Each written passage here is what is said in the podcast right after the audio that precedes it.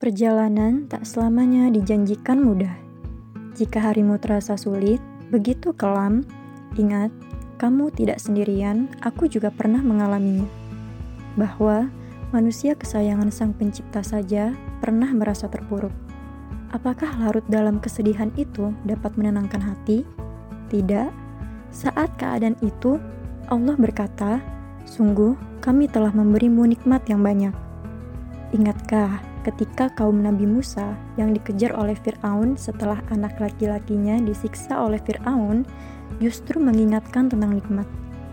Berapa banyak cobaan yang telah kita lalui, Allah selalu mengingatkan agar kita tidak terlalu terpuruk dalam cobaan itu, melainkan agar bersyukur atas nikmat yang telah diberikan.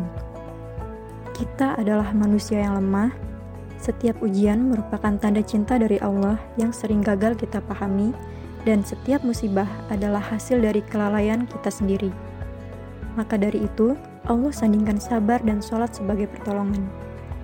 Jika masalah tidak mampu membuat kita bersabar, tak mampu membuat kita berdoa, tak mampu memanjangkan sholat kita, hanya mampu mengeluarkan air mata saja, sungguh itu adalah kerugian yang paling nyata.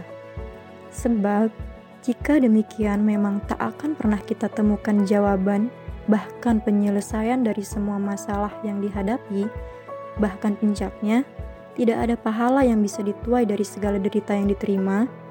Tahan dengan kesabaran, ungkapkan melalui doa-doa, melangitlah, runtuhkan segala ketakutan, dan kecewa dalam sujud-sujud panjang pertemuan dengannya.